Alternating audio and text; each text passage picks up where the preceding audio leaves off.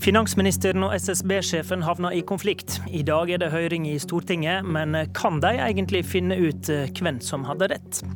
Og når inkluderingsdugnad skal være ei satsingssak fra det som trolig blir ei ny regjering, kan vi stole på det? SV utfordrer Høyre til debatt om nettopp det. Men vi starter med høringa om Statistisk sentralbyrå. I dag må både avgått SSB-sjef Kristine Meyer og finansminister Siv Jensen møte i Stortinget til høring hos kontroll- og konstitusjonskomiteen. I november gikk SSB-sjefen av etter åpen strid gjennom høsten om omorganiseringa i byrået. Ble hun pressa ut av finansministeren etter at det kom fram at omorganiseringa ville råke innvandringsstatistikken, eller hadde Meyer latt være å ta tydelige styringssignal fra ministeren i lang tid? Dette er noen av mange spørsmål som Meyer og Jensen har helt ulik oppfatning om. God morgen, Dag Terje Andersen. Du er leder eh, i kontroll- og konstitusjonskomiteen på Stortinget. Du representerer eh, Arbeiderpartiet. Hva er du mest opptatt av å finne ut av i høringa i dag? Eh, rent faktisk, det du alt var inne på, eh, om det fakta er sånn at eh, Meyer hadde grunn til å føle at hun hadde støtte for betydelig omstilling i SSB til langt ut i prosessen, eller om det er som du sa, som Siv Jensen nå har svart til oss når vi har stilt skriftlige spørsmål, at hun lenge var skeptisk til prosessen. Eh, det er viktig for oss å finne ut av, fordi eh, det handler om styring av SSB. Eh, det handler om en forskningsinstitusjon som skal være uavhengig. Du vet, Det er den institusjon i Norge som alle politikere på tvers av alle partigrenser, enten være i opposisjon eller posisjon, stoler på det faktagrunnlaget de produserer eh, når vi skal lage statsbudsjett. Det er det som blir lagt til grunn eh, når partene i arbeidslivet skal ha lønnsoppgjør. Det er altså en utrolig viktig institusjon i, i samfunnet. Og vi er selvfølgelig opptatt av å bidra til at den har den autoriteten som han tidligere har hatt. Men kontroll- og konstitusjonskomiteens rolle er å kontrollere regjeringa. Mm. Er det egentlig noen grunn ut fra den dokumentasjonen du har fått til nå, å mistenke at det har skjedd noe gale? Det er i hvert fall sånn at på de svarene vi har fått fra Siv Jensen, eh, så peker de i en helt annen retning enn det tidligere direktør Meyer presenterer som sine oppfatninger. Men det er jo da via media. Og da er den eneste måten vi kan kontakte uh, Meyer på, og andre som i dag skal på høring, er faktisk å ha en åpen høring. Derfor har det jo vært helt enstemmig på tvers av alle partier i kontrollkomiteen at vi trenger en sånn høring. Og Bakgrunnen for det er som sagt at uh, vi kan stille spørsmål til finansministeren, det har vi gjort. Men de andre kan vi bare snakke med via en høring, og det blir det altså i dag. Så jobben her er å finne ut hvem sin virkelighetsoppfatning som egentlig var den riktige, da? Ja, og det er det flere av dem som er innkalt til høring i dag, som uh, kan bidra til å belyse. Men men mener du i utgangspunktet dette ser ut som en politisk avsetting av en etatsleder, da? Ja, Noen har ment det er en politisk ansettelse. Det, det, vi, Avsetting, sa jeg. Ja, ja. Men begge deler har blitt hevda uh, der ute. Jeg har ikke noen forhåndskonklusjon, det er derfor vi har høring. Fordi at vi skal finne ut av de fakta. Det som er klart, er at det er stor uenighet mellom den versjonen som finansministeren gir, og den som Kristine Meyer gir. og Det håper vi at dagens høring kan bidra til å belyse. Mm. Men det, det, er et omfattende dokumentasjonsmateriale her, ja. som dere har satt dere inn i før høringa. Mener du ut fra det du har sett av dokumentasjon til nå, at regjeringa kan dokumentere at de var bekymra for effekten av omorganiseringa Meyer gjorde gjennom hele 2017? Det er blant de ting vi skal bore i da. Eh, for det, det er jo det Siv Jensen hevder. Eh, mens eh, Meyer hevder at det var hatt støtte til en veldig omfattende omstillingsprosess hele veien. Og det er interessant å finne ut av. For det at den omstillinga er ganske betydelig. Og det har vært konsensus om SSB i mange tiår år, faktisk, i Norge. Og Når en da skal legge opp til store endringer i SSB, så ville det kanskje vært naturlig at det var gjenstand for en politisk eh, debatt, i så fall i finanskomiteen. Eh, det vi skal kontrollere nå, er først og fremst om styringa i SSB har vært eh, riktig. Ei høring i kontrollkomiteen, det kan jo høres nifst ut for en statsråd i en mindretallsregjering. Samtidig så har det jo nærmest vært konsensus eh, om at det var lurt å stoppe de endringene som var på gang i SSB. Mm. Hva er da mulig utfall av denne høringa? Å få klarhet i eh, om eh, Kristine Meyer hadde grunn til å føle, altså at Siv Jensen støtta en betydelig omstillingsprosess til, ja, faktisk til etter sommeren og ut på høsten, til bråket begynte. Og Det er viktig å finne ut av. Siv Jensen har jo svart oss på noen av våre spørsmål etter at vi måtte gjenta spørsmålet, at Kristine Meyer ikke formelt sett er avhengig av finansministerens tillit. Det skulle da òg bare mangle i en uavhengig forskningsinstitusjon. Men, men hva er mulig ikke... utfall for Siv Jensen? Eh, det, et mulig utfall er eh, at vi kommenterer hennes embetsførsel og måte å styre SSB på. Det er ett mulig eh, resultat i ei innstilling som senere skal skrives og behandles i Stortinget. Men det vil jeg altså ikke foregripe, for det, er derfor vi har høring. For å få fram så mye fakta som mulig. VG skriver i dag om at Finansdepartementet har endra et referat fra et av disse møtene mellom SSB og Finansdepartementet i ettertid, etter at din komité komité meldt interesse for saka. Hvordan syns du det ser ut? Eh, det ser i hvert fall så spesielt ut at det er grunnlag for at det selvfølgelig blir en del av spørsmåla i dag. Og Kilden til den påstanden er jo en av de som skal på, høre, på høring i dag, telle. Så vi får god anledning til å få forklaring på, knytta, eh, på det, og, og, og, vurdering av hvor spesielt det er. At det, eh, det kan se ut som det da endrer et referat som det i utgangspunktet var enighet om. Ok, takk til deg, Dag Terje Andersen. Du kan høre vår kommentator Magnus Takvam forklare, om, eh, forklare deg mer om SSB-høringa i Nyhetsmorgen rett etter klokka åtte. Og du kan også lese forklaring om høringa på nrk.no.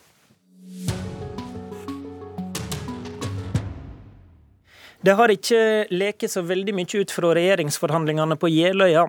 Den ene politiske felleserklæringa som lederne i Høyre, Frp og Venstre har kommet med, var denne i forrige uke. Vi kommer altså til å måtte jobbe enda mer. og Derfor kommer en av de tingene vi eh, ønsker å få satt i gang, det vi kaller en inkluderingsdugnad. Inkluderingsdugnaden som Erna Solberg nevner her, handler om å få flere inn i arbeidslivet av de gruppene som står utenfor. Funksjonshemma, innvandrere og unge uten utdanning ble eksplisitt nevnt. Men skal vi egentlig tro på, de, på at de borgerlige plutselig har blitt rausere med disse gruppene, spør SV.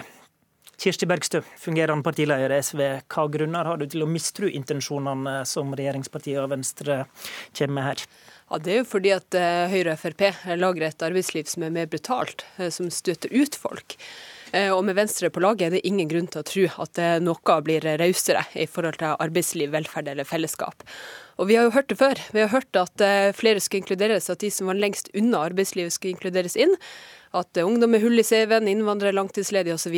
skulle inkluderes inn i arbeidslivet. Og da var svaret fra regjeringa å svekke arbeidsmiljøloven og bl.a. innføre en generell adgang til midlertidighet. Og Når vi vet at man bruker et angrep på folks trygghet i arbeidslivet for å gjennomføre et såkalt arbeidsmarkedstiltak, ja, da har man litt å gå på troverdigheten. om. Hva slags trygghet konk eh, konkret mener du angrepet? Uh, man angriper folks trygghet når man uh, svekker arbeidsmiljøloven, når man innfører en generell adgang til midlertidighet. Når vi ser at man ønsker mer individuelle avtaler mellom seg og sjefen. Eh, så betyr det svakere fagforeninger. Når man eh, har fjerna den kollektive søksmålsretten, og når man eh, har hatt en brutal maktforskyvning i arbeidslivet, ja, så svekker man vanlige folks trygghet i arbeidslivet. Heidi Nordby Lunde, Høyre-representant i arbeids- og sosialkomiteen. Den politikken dere har ført, råker faktisk disse gruppene som, som dere vil inkludere, hevder SV her. Hva er din kommentar til det? Spennende, fordi da SV styrte, var satt i regjering, så økte jo antallet uten unge mellom 18 og 29 utenfor arbeidslivet fra 43 000 til 70 000. Og det er ganske godt gjort i en økonomi i vekst, og da olje, dollarprisen for olje var på 120 dollar fatet om dagen. Under vår regjering, da vi uh, opplevde en nedgang i oljeprisen og en økende arbeidsledighet, så har vi klart å holde det tallet stabilt. Samtidig som antall flyktninger og unge flyktninger som kommer inn uh, under uh, denne kategorien, er på 7500 i året. Samt, eh, så har vi holdt det tallet stabilt. Og da betyr det at vi klarer å rotere ut i hvert fall 7500 i året, samtidig som eh, arbeidsledighet nå går ned. Så det er en betydelig mer inkluderende politikk som føres i dag. Politikken har virket. Vi ser flere komme inn i arbeidslivet, og vi ser at eh, politikken virker. Ok, Men nå sier jo tross alt din partileder at dette fortsatt er ei stor problemstilling. og med all respekt så var kanskje ikke det de sa på Jeløya veldig konkret. Hva slags nye konkrete tiltak er det som skal komme på dette feltet? da?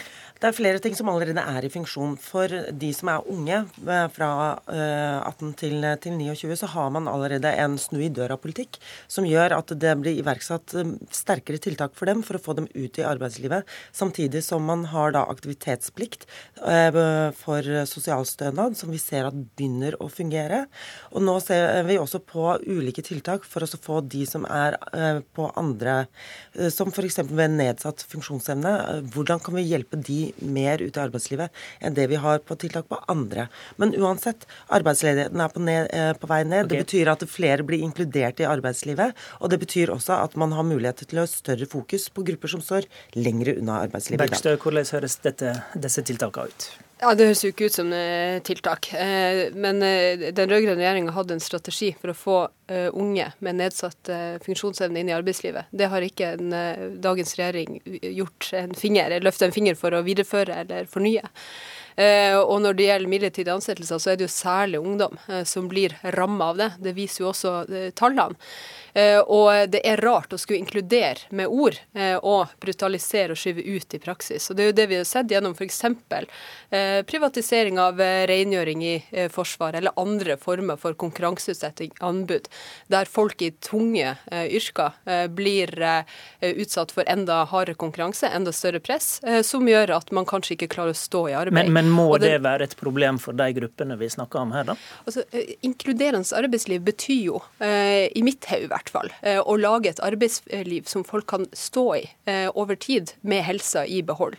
Eh, Men det også... trenger vel ikke bety at du ikke kan ha flere private arbeidsgivere i de bransjene du nevner der? Eh, hvis, at, eh, hvis at du legger opp til et mesterskap eh, med mopp i en bransje der det allerede er krevende å stå i arbeid med helse behold, sånn som rengjøringsbransjen, så innebærer det for mange at man gir helsa si for å leve opp til Høyre og Frp sin konkurransementalitet.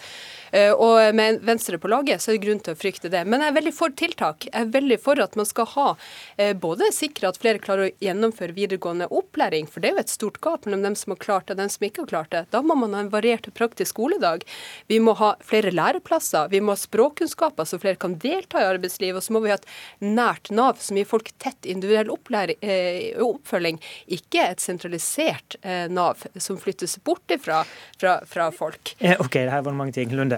Ja, altså, Vi er jo også for tiltak, men vi er først og fremst for arbeid. For det er der vi vil ha folk ute. Og jeg syns det er interessant at den rød-grønne regjeringa hele tiden hadde store, gode ord på, eh, på, sine strategier, men samtidig så økte altså da unge utenfor arbeidslivet fra 43 000 til 70 000. Men, men snakk om de tiltakene du blir utfordra på nå, da. Så, eh, så, kan vi snakke om, eh, om midlertidighet, som ikke har økt, selv om vi har endret da i arbeidsmiljøloven. Var ikke det det som var litt av poenget? at den skulle få åpne Nei, ikke den døra fordi at For Høyre så har det vært viktig at, at, fast tilsettelse er hovedregelen i arbeidslivet. Det at man bruker midlertidighet som, en, som et verktøy for å få folk inn, rotere inn på ordninger. Og så skal de jo forhåpentligvis da få fast ansettelse i andre enden. Det betyr jo det at antall midlertidige eh, forhåpentligvis holder seg på den samme sted hvor de er i dag, og at de får fast ansettelse. Det handler om å senke terskelen inn i arbeidslivet det gjør denne regjeringen. Det er en politikk vi ser at fungerer, og nå kommer flere i okay. arbeid innenfor alle kategorier. Takk til Lunde og Bergstø. Sannsynligvis er det ikke lenge til Erna Solberg kan legge fram en ny regjeringserklæring. I januardagene for 42 år siden var det Arbeiderpartiets Oddvar Nordli som tiltrådte og la fram si erklæring. I går døde Nordli, 90 år gammel. Vi har gått i arkivet og funnet fram litt av det Nordli sa den gangen han ble statsminister i 1976, og noe av det minner om det vi nettopp har snakka om. Regjeringens hovedoppgave er å trygge og forbedre menneskenes miljø og livsstandard. Regjeringen vil arbeide for å forenkle forholdet mellom de enkelte og offentlig administrasjon. Regjeringen vil legge avgjørende vekt på trygge arbeidsplasser i alle deler av landet.